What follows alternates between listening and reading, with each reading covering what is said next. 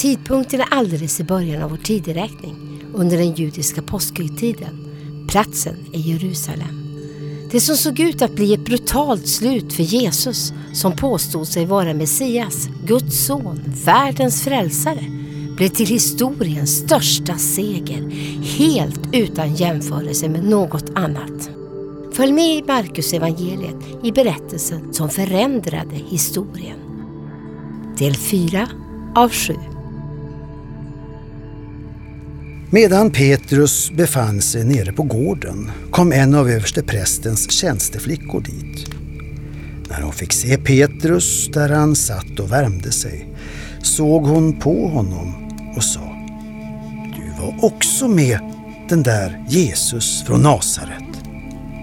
Men han nekade. Jag vet inte vad du talar om och begriper det inte.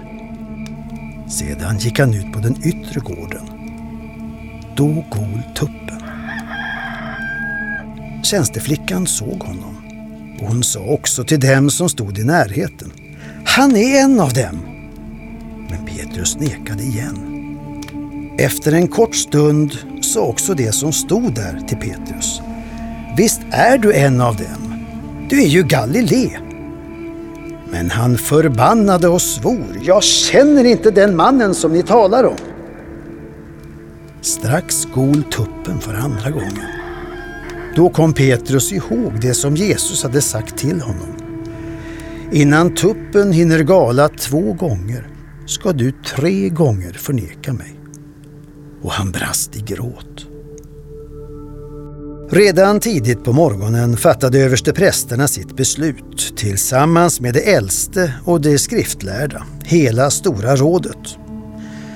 De band Jesus och förde bort honom och utlämnade honom åt Pilatus. Pilatus frågade honom.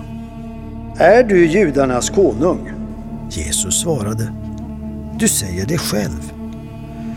Och överste prästerna anklagade honom häftigt. Pilatus frågade honom på nytt. Svarar du ingenting? Du hör hur mycket de anklagar dig. Men Jesus svarade inte längre. Och det förvånade Pilatus.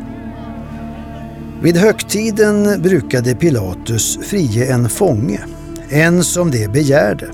Där fanns nu en man som hette Barabbas. Han satt fängslad tillsammans med andra upprorsmän som hade begått mord under oroligheterna. När folket kom fram och begärde att få vad han brukade bevilja dem svarade Pilatus. Vill ni att jag ska frige judarnas konung? Han förstod nämligen att det var av avund som översteprästen hade utlämnat honom. Men översteprästerna hetsade folket till att begära att han istället skulle frige Barabbas. Pilatus frågade dem än en gång.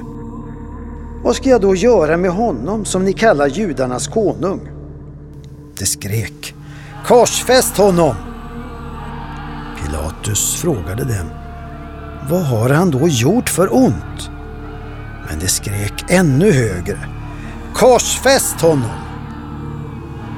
Och då Pilatus ville göra folket till viljes frigav han Barabbas.